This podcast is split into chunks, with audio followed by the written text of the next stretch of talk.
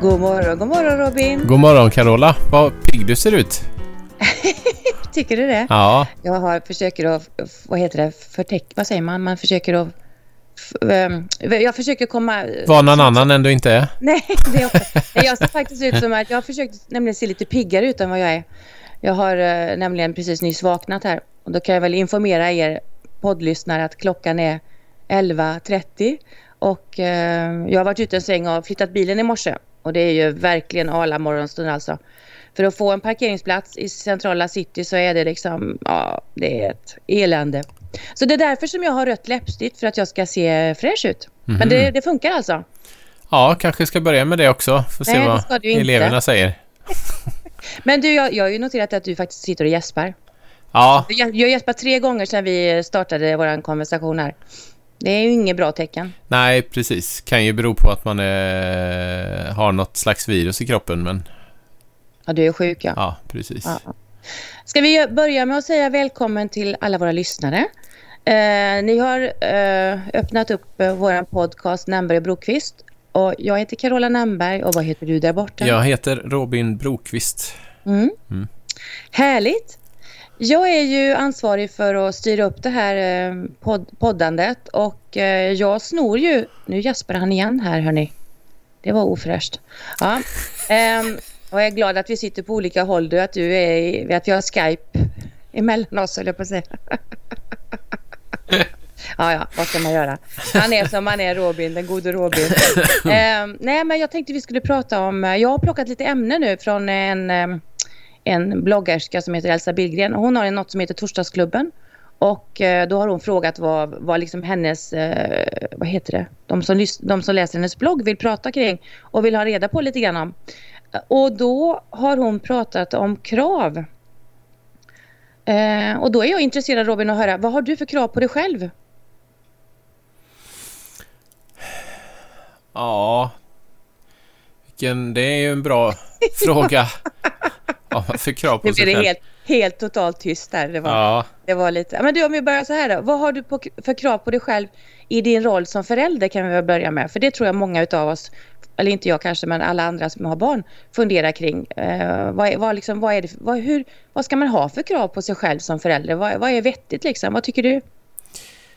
Men då, krav på mig själv, det är väl eh, det är ju att jag måste se till att de vet att de är älskade och alltid kan komma till en. Mm, mm. Det är väl det största kravet. Eh, sen, sen finns det ju sådana andra krav som på, på rättvisa och sådär också. Eh, men det kanske det kanske är ett annat krav att tala om för ungar att det finns ingen millimeterrättvisa. Livet mm. är orättvist. Vad gör du utav förutsättningarna? Det kanske är bättre än att nu fick eh, Stina här, hon fick 0,1 millimeter mera på eh, lakritsstången här än vad Pelle fick. Hur ska vi ordna det här? Ja, men livet är orättvist. Jag vet mm, inte. Mm. Nu börjar jag flumma ur här känner jag. Men, men, Nej, men jag, eh, det känner jag faktiskt det. Det där tror jag är jätteviktigt. För det har man ju, det vet man ju själv hur, när man var liten vad viktigt det var med rättvisa. Men ju, när man insåg att det, man, det kommer liksom att jämna ut sig lite grann.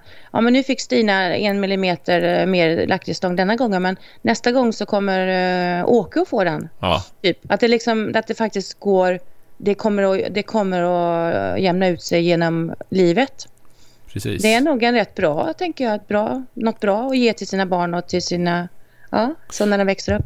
Det, det, är klart det finns en balans där, men nu är vi ju liksom inne och, och pratar på pyttesmå detaljer och då kan jag tycka att då, då kan det bli fånigt ibland om man är liksom så här, utan att man, ja, sen och då kanske man ju vända på det och så istället eh, försöka ha ett krav att man lär sina ungar att dela med sig. Istället för att bara kräva sina rättigheter så kan man ju eh, erbjuda sin hjälp till de som inte har det lika bra kanske.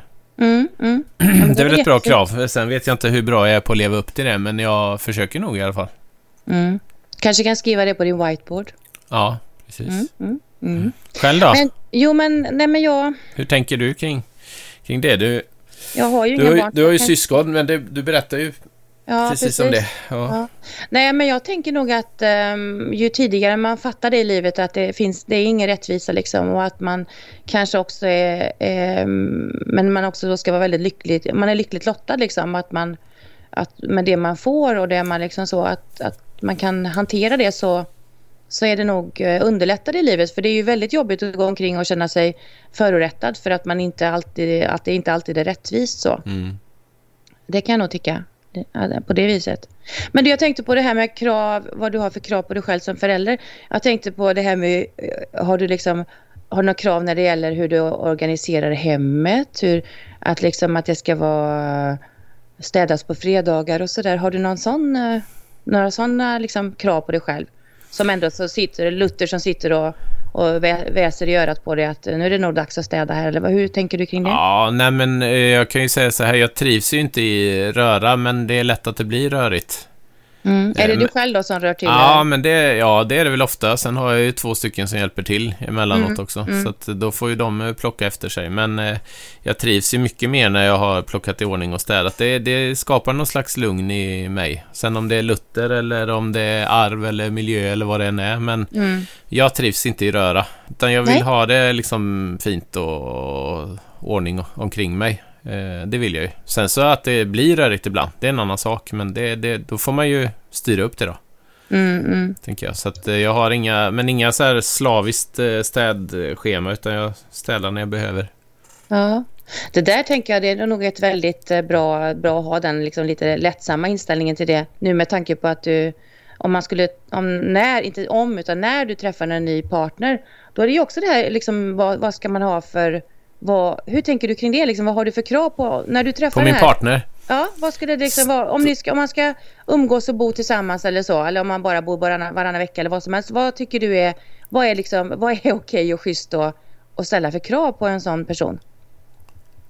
Det är väl eh, samma krav som den ska kunna ställa på mig, tänker jag. Ja, men vad, men vad är det då? Det kan ju vara helt olika. Ja, det kan det ju vara. Men det är väl därför man ska lära känna varandra först innan man drar igång gifter någonting. sig. Ja, gifter sig eller... Flyttar ihop. Ja. ja, precis. Men det måste ju finnas någon slags gemensam grundtanke och att man kan lyssna på varandra och respekten för varandra. Och känner man att nej men den här slarvfian här, hon, mm. Eh, hon städar aldrig eller hon städar på julafton. Ja, då, då ska vi nog inte hänga ihop kanske. Mm, mm. Jag vet inte. Det, kärleken kan ju överbrygga sånt här också. Men, eh, mm. Det jag tycker när, svår, egen... svår fråga faktiskt. Ja, visst är det lite jag. så. Och det, jag märker det också att ju, ju, äldre man blir så ju mer, ju mer blir man ju liksom så här lite, man, har, man vill ha det på sitt sätt. Och det är ju jättenyttigt det där att bli lite omruskad i hur man tänker och hur man vill ha det och sådär. Men, men jag, om du frågar mig då så skulle jag nog säga att, äh, att äh, det är absolut viktigt det där med ordning och reda och så. Men men det viktigaste, det kravet jag skulle ha på en partner det är nog faktiskt att, att ja, vad skulle det kunna vara? Naturligtvis hel och ren och att det ska vara... Eh, men, men det är nog egentligen att man kan vara flexibel tror jag.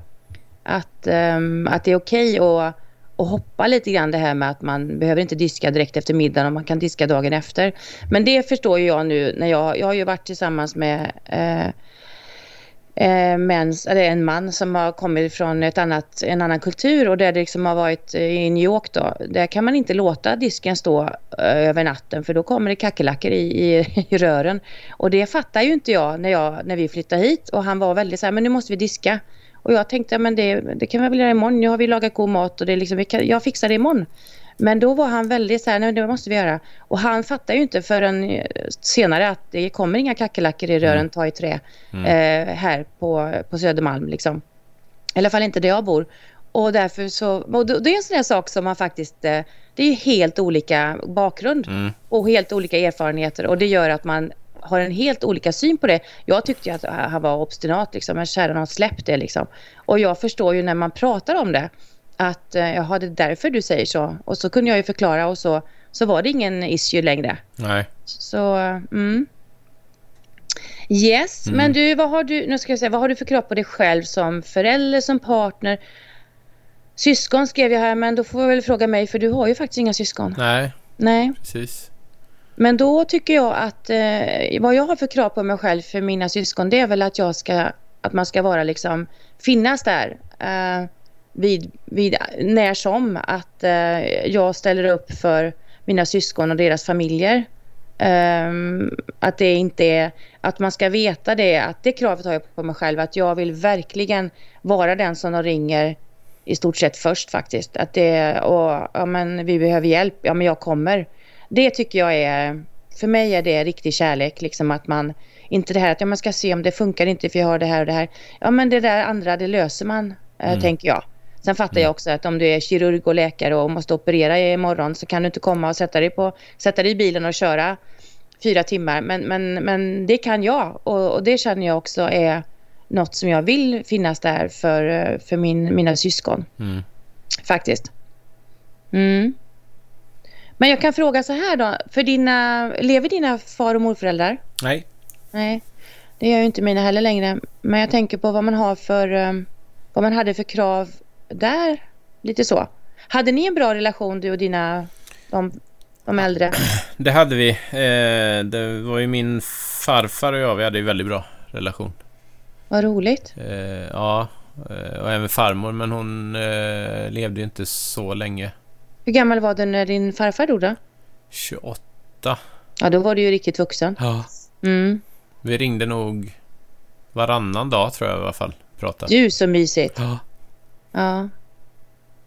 Men du, var, var glad du ska vara att du fick ha din, din farfar så länge. Mm. För jag, då hade du vett på uppfatt, uppskatta och visa uppskattning. Jag, jag grämer mig så väldigt för att jag inte... Jag, våran farfar han ringde gärna klockan åtta på lördag eller söndag morgon liksom. Och när man var tonåring så, så var man ju trött. Mm. Man ville ju sova då.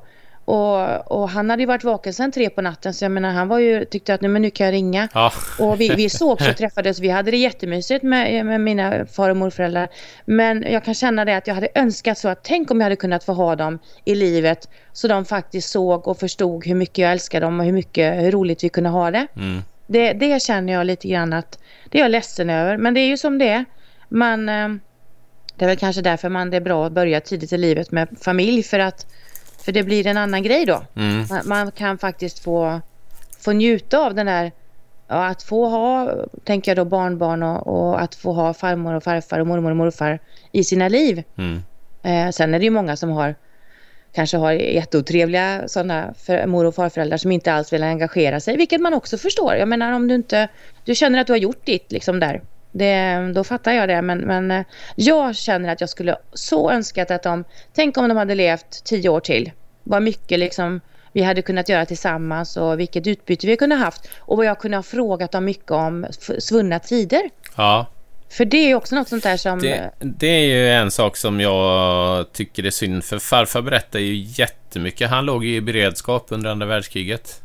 Det gjorde han. Var, var, det, var låg han då någonstans? Ja, det, det är det jag skulle ha velat veta mer. Han berättar ju massa historier, alltså flera timmar för mig. Ja, ja. Men, eh, och hur de gick med sådana där kärade balkar och grejer och reste telefonstolpar och ja. spelade dragspel på sommaren och frös på vintrarna och ja. Mm, mm. Så han cyklar ju från Orust upp till Hällefors där de bodde.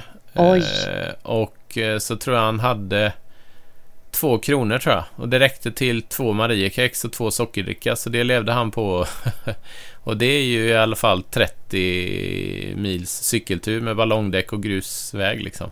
Mm. Sådana där jag, stories. Tror att han var helt sanningsärlig. Ja, men det tror jag faktiskt. Ja, men det tror jag. Det tror ja, ja, det tror jag att han var faktiskt. Jag har ju annars erfarenhet att jag tror att min pappa har kryddat nog sina stories när han, de, det var när de, när de berättade lite grann att det var, det var ju alltid uppförsbacke och två meter snö liksom. Ja. Nej, men det här var ju, det här var ju under andra världskriget så det var ju, folk är nog tuffare än man tror, ja, jag. Ja. Så det var nog på riktigt. Eh, så det finns ju massa stories som jag gärna skulle ha, man skulle ha spelat in det där, eller mm. filmat in honom. Mm. Det, det tänker jag också. Jag försöker att, jag har spelat in lite grann eh, i vissa sammanhang eh, när man sitter och pratar för att det, det är sånt där som blir naturligt. För det blir väldigt konstigt att trycka upp en mikrofo mikrofon i ansiktet under näsan på någon som det, det blir så konstig signal liksom. Det är inget roligt att göra det för att det känns så konstigt. Men, men samtidigt så jag är så glad för att farmor, min farmor skrev mycket. Hon lämnade efter sig en där hon hade skrivit om livet på gården. Mm. Om julbaket och om liksom och, och vårsådden och, och det fick vi alla barn och barnbarn. Det hade, det vet jag att vi kopierade, eller var väl pappa som kopierade det till oss allihopa. Häftigt. Så, ja, så vi har fått det och det tycker jag, det blev jag väldigt glad för. Um, så... Men eh, ja, nej, det är ju som de säger, ungdomen är bortkastad på de unga. Ja. Att man inte har vett och förstånd och förstå liksom att ja, men, ge det tid och, och, och lyssna liksom så. Men du mm. gjorde ju det, för du var ju så pass gammal då. Så, ja. ja, jag, var nog, jag har nog alltid varit lite minigubbe, tror jag. Men jag tyckte mm. alltid sånt var så spännande och intressant att lyssna på. Mm. Nej, men jag kan tycka det att det är de här grejerna som gör att om de inte blir gjorda på en gång så blir det inte gjort. Mm. Och jag är så trött på mig själv så jag känner så här, ja men är det något sånt där så, men bara gör det Carola, tänker jag då. Bara gör, bara gjort. Mm. Det är liksom, det är inget att vänta på. Precis. Yes. Men du, vad har du, vad har du för um, krav på, liksom, på kollegor och sådär? Känner du att du har krav på dem eller är det, liksom, är det så, liksom så uh, ut, vad säger man, det står i arbetsbeskrivningar vad, vad man förväntas att leverera på arbetsplatsen. Så att, uh, men det är ju inte de mjuka grejerna med i och för sig. Det, eller vad tycker du? Mjuk, ni... vadå, mjuka ja, värden eller vadå? Ja, men mjuka värden, typ hur man ska vara mot varandra och sådär. Har ni sånt preciserat på er arbetsplats? Vad ni har för, för värderingar och så? Eh, ja, det finns ju en, en vision för, eh, för arbetsplatsen. Gör det ju. Mm. Mm. Mm. Hur ser den ut? Kan du den? Eh, jajamensan, men den blir för lång att dra här. Så att, ja, det är så. Ja. ja. Men det är de mjuka värdena då, typ ni, ni pratar om där? Det är jobbiga frågor kan jag inte svara på om någon från jobbet lyssnar. Nej! jag kan inte den. Nej, det är klart att du kan. Det är ingen som kan det. Men, Nej, det men jag kan, kan faktiskt mina som jag hade på när jag jobbade på bank. Ja. Vad var, dina, vad var era visioner då? Ja, men det var ju att man ska vara professionell och så var det ju... Ja, tre till. äh, men, men det är ju helt skrämmande. Ja. Nu var det för sig då tre år sedan jag lämnade den arbetsplatsen. Så det är nog helt, jag är förlåten tror jag. Men jag vet att man jobbade mycket på de här med värderings, de här orden. Vad skulle man ha för värderingar? Och det hade, jo respekt var det såklart. Måste det ha varit. Respekt. Professionell, nej Ja, jag kan återkomma i ett annat avsnitt. Men det var bra grejer i alla fall. Mm. Det var sånt som man kunde skriva under på. Mutual respect var det nog säkert kanske. Ja, ja nej, men det, det, vi pratade om eh, för ett tag sedan med din svåger där, Martin Sköld, dubbeleffektivt, mm. det är väl att vi försöker, har börjat försöka ha en räcka upp handen-kultur på våra möten så att man inte sitter och pratar rätt ut, vilket är ganska vanligt bland. Jag har ju jobbat som lärare ganska länge och lärare skäller på ungarna för att de pratar i mun på varandra, men de är sämst i världen på att inte respektera andra nästan. Men du, vad spännande. Eh, hur, gjorde, hur introducerade du det? Då, nej, liksom? jag var nog... Eh, jag vet ja. Jag var nog sån så att jag räckte upp handen och väntade tills någon liksom uppmärksammade att det är en som håller upp handen när har begärt ordet. Mm. Eh, och, och sen så är det ju att man har den diskussionen att man ska, att man ska följa det. Och då, det har blivit någon sån kultur som eh, fungerar bra för det mesta tycker jag faktiskt. Mm. Och då blir det ju mycket mer effektivare möten att vissa sitter och pratar med varann och att det blir små grupper i gruppen och sånt där som bara tar tid från mötet och sen så eh, små informella möten, det blir inget effektivt alls liksom i ett stort sammanhang. Så att då, då måste man respektera varandra och eh, och begära ordet helt enkelt. Mm. Det, det, funkar faktiskt bra eh, i, det, i det laget som jag jobbar med. Plus att det är en, en bra atmosfär där och man känner att alla vill liksom hjälpas åt och dra åt samma håll. Så att eh, det är liksom inga, inga konflikter konflikter på det sättet. Det, det där läste jag ju någonstans. Det finns ju gruppdynamik. Man går igenom någon slags förälskelsefas och sen är det konfliktfas och sen är det det mesta funkar-fas och sen är det någon sån här eh, fas som ingen kommer in i för att det är då allting bra. Mm, Utan mm, du brukar mm. pendla med den här tredje fasen där det funkar och konflikter tydligen. Eh, men eh, just nu så, så funkar det bra tycker jag. Vad kul. Mm. Hur kändes det att komma tillbaka sen efter? Ja, nu har du väl varit hemma sjukskriven. Det är ett år va? Mm, nästan ett år. Mm. Kom, hade de bytt ut hela lärarstaben? Nej, nej, nej. Kände du igen något ansikte? Ja, ja. Oh, ja. Oh, ja. Absolut. Det, det, det, visar ju på en bra arbetsplats. Mm. Där man faktiskt får behålla sina medarbetare. Mm. För det här med när det är för mycket omsättning på personalen, då är det, det, det är ju en varningsflagg liksom. Ja, då är det, eller, så, eller så tänker man att dit ska jag, här ska jag komma in och förändra. Mm. kan man ju också tänka. Precis. Ja. Har du några mer, men så okej, okay, så det är respekten då på mö möteskulturen och möte, respekt för att uh, ordning och reda på möten och struktur och sånt. Det förstår jag är viktigt för dig. Har du andra krav sådär som du känner på dina kollegor? Eller på dig själv? Ja... Det är väl eh, det här att vara mot andra som du vill att de ska vara mot dig. Så Det är klockrent. Ja. En, en mm. gyllene regelkrav är väl mm. bra. För att jag tycker att hur man än eh, vrider lampan så hamnar den ofta tillbaks på en själv. Liksom. Mm. Hur jag beter mig, det speglar ju av sig hur andra beter sig mot mig ofta. Om man visar respekt så får man respekt. Ja, det tycker mm. jag. Och att, ja, precis. Ja, men det, det var bra sagt du. Den där, för den tänkte jag på också. Det är ju en jättebra gyllene regel liksom att det, det är... Um, samtidigt som man får utgå då från att, att det är en sund människa som, som tänker. Mm. Ja, ja, annars ja, man, man får väl ta uh, den situationen när den kommer, tänker jag i så fall då. Det finns ju olika vägar att gå. Om det är något, något som är svårt eller konflikt eller så vidare. Mm. I en det organisation så. Du är ju själv, hur, hur, uh, hur funkar det? Vad har du för krav där liksom? På mig själv. Vad har du för krav? Ja. Nej men jag måste säga, eftersom jag jobbar själv så är det ju så. Jag har ju, jag har ju sådana som jag jobbar tillsammans med i vissa sammanhang projekt och sådär. Och då tycker jag att det är viktigt för mig också att visa på professionalism och liksom och en sån som håller tiden. Och jag är ju gärna tio minuter tidigare än mötet. Liksom. Att jag är förberedd och att jag, har, att jag har förberett mig inför mötena till exempel.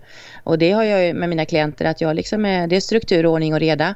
Och man börjar prick. Eh, jag är tillgänglig prick den tiden som det mötet är avsatt och, och jag också avslutar i rätt tid. För det, det är viktigt det där med de här små sakerna som man gör att man får också respekt och, och för varandra. att, det, att man inte håller på hela tiden och och ska ändra tid eller sådär. Utan ja, men vet man att ska man träffa mig och prata med mig, då är det den här tiden som gäller.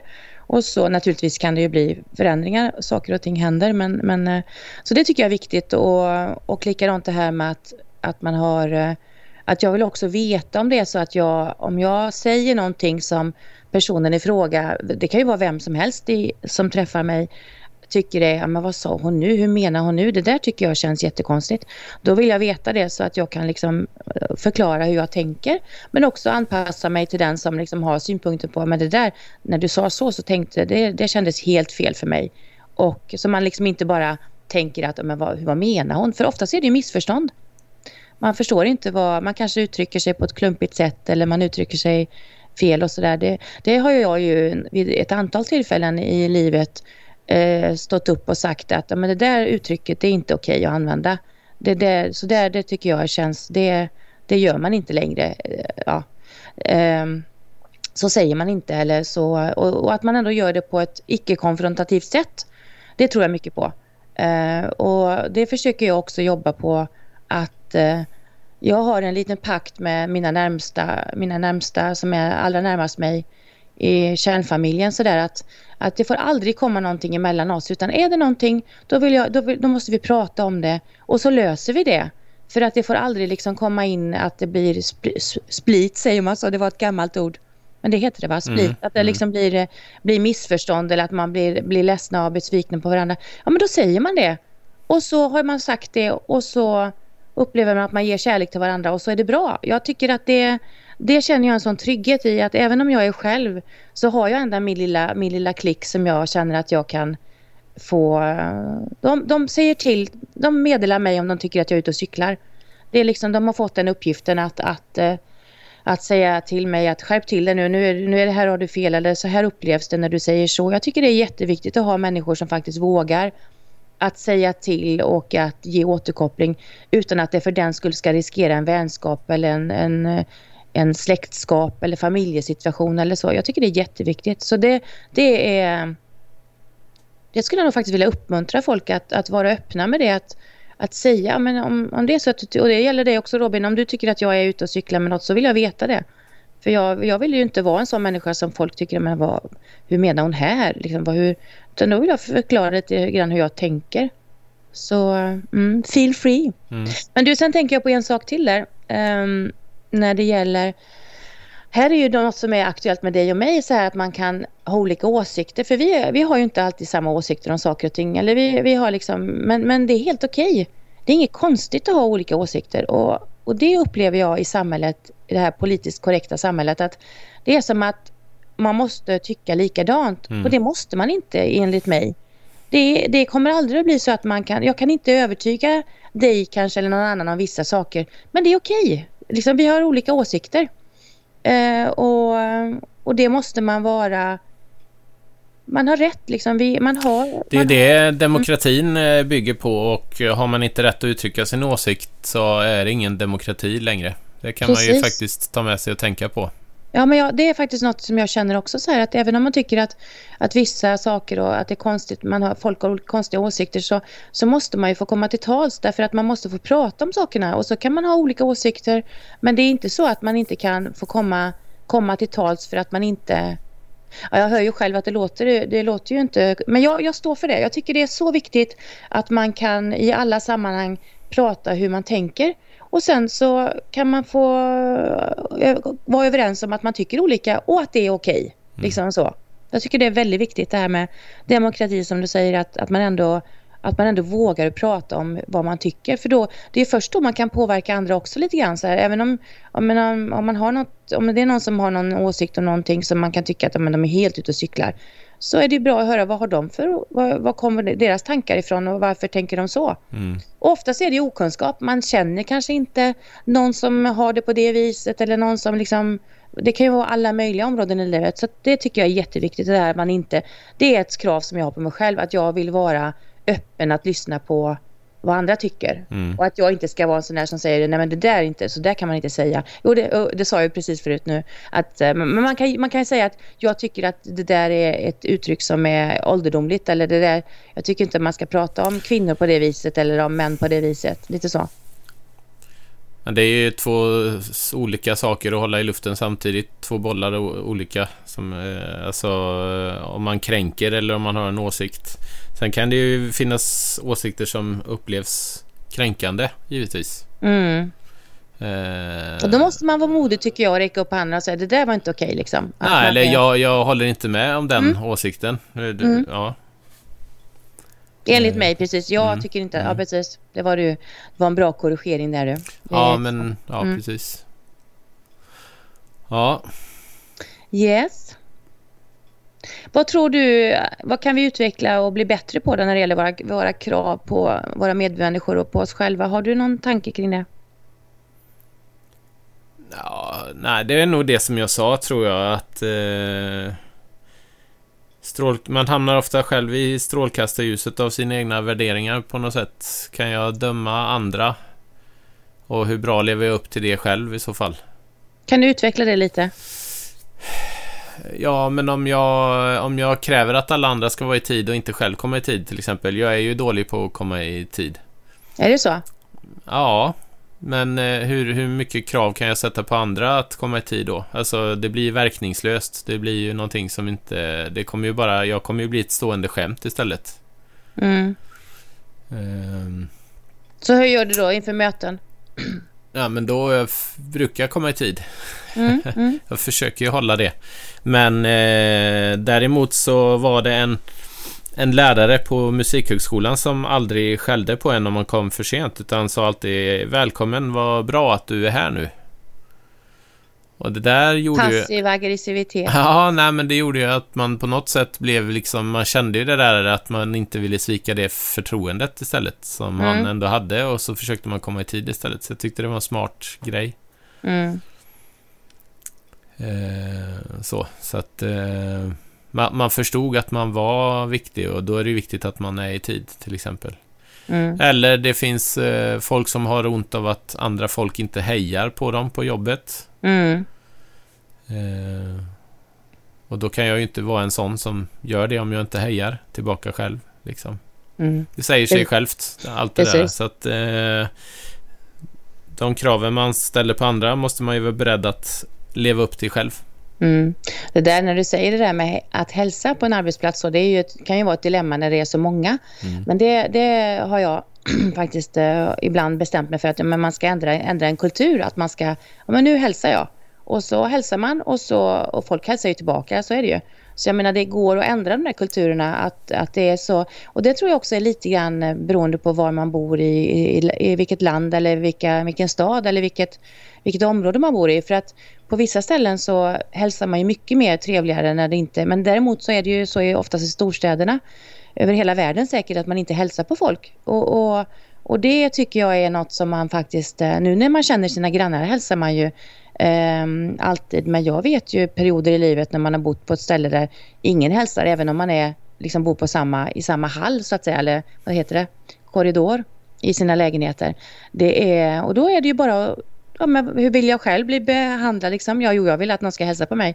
Ja, men då börjar jag öppna munnen och säger hej. Och vad är det värsta som kan hända? Att de inte hälsar tillbaka. Men sen andra gånger man säger hej, då, då säger de ju hej. För då är de ju inte så chockade, utan de, då har de ju förstått att den här människan vill, vill, vill hälsa. Men sen är det nog det också, tänker man kanske är lite rädd så att ja, men bara inte, nu ska hon, bara inte hon ska, vill umgås liksom. Börja umgås med mig och, och vill komma på kaffe och vara, alltså man är lite rädd för att få, det blir för mycket. Men, men det är ju det är ju det där trevliga hejet liksom. Mm. Det, det, det är en, det är nej det tycker jag är ett krav på sig själv att man ska faktiskt tänka på att man ska hälsa på människor. Och det kan man göra, och likadant det här man kan le mot folk när man, när man går på stan.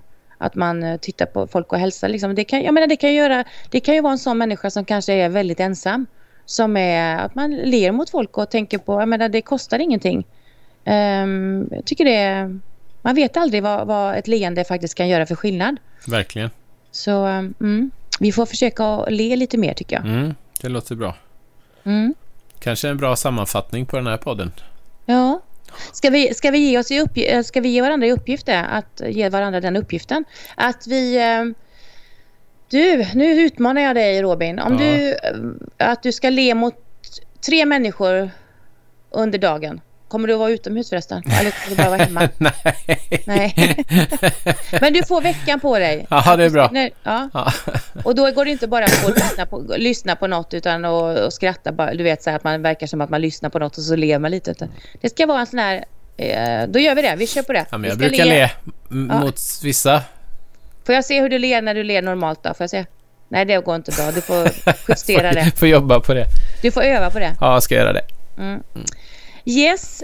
Du, tack så mycket för att du förgyllde min morgon här, eller vad är det? Lunch. Tack ska jag ha. Eh, tack ska du ha. och tack alla ni som lyssnar, det är jättekul. Tack vi, själv Carola. Mm. Vi får så mycket, mm, ja vi får faktiskt glada tillrop nu när vi har tjatat om det. Så, så jag kanske inte delar med mig hela tiden Robin, för det är jag som sköter vårt Instagramkonto.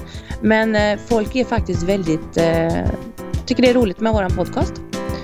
Så det kan du ta till dig. Det gör vi. Tack så mycket. Yes. Ja, ja. ja, då säger vi så då. Hej då allihopa! Hej då!